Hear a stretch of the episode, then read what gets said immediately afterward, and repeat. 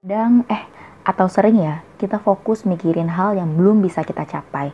Misal, mimpi besar kita. Terlalu fokus gimana cara mencapai kemenangan besar. Tapi, kadang lupa buat mengapresiasi diri atas kemenangan kecil yang udah dicapai.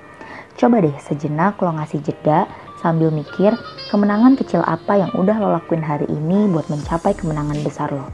Misal mimpi gue jadi public speaker nasional dan gue udah ngelewatin kemenangan kecil yaitu jadi public speaker walaupun di forum yang kecil jadi MC misalnya atau sekedar sharing insight baru terus apresiasi deh diri lo caranya terserah lo misal beli minuman atau makanan favorit lo jalan ke tempat yang lo suka atau bahkan sesimpel ngomong depan kaca untuk berterima kasih dengan diri lo.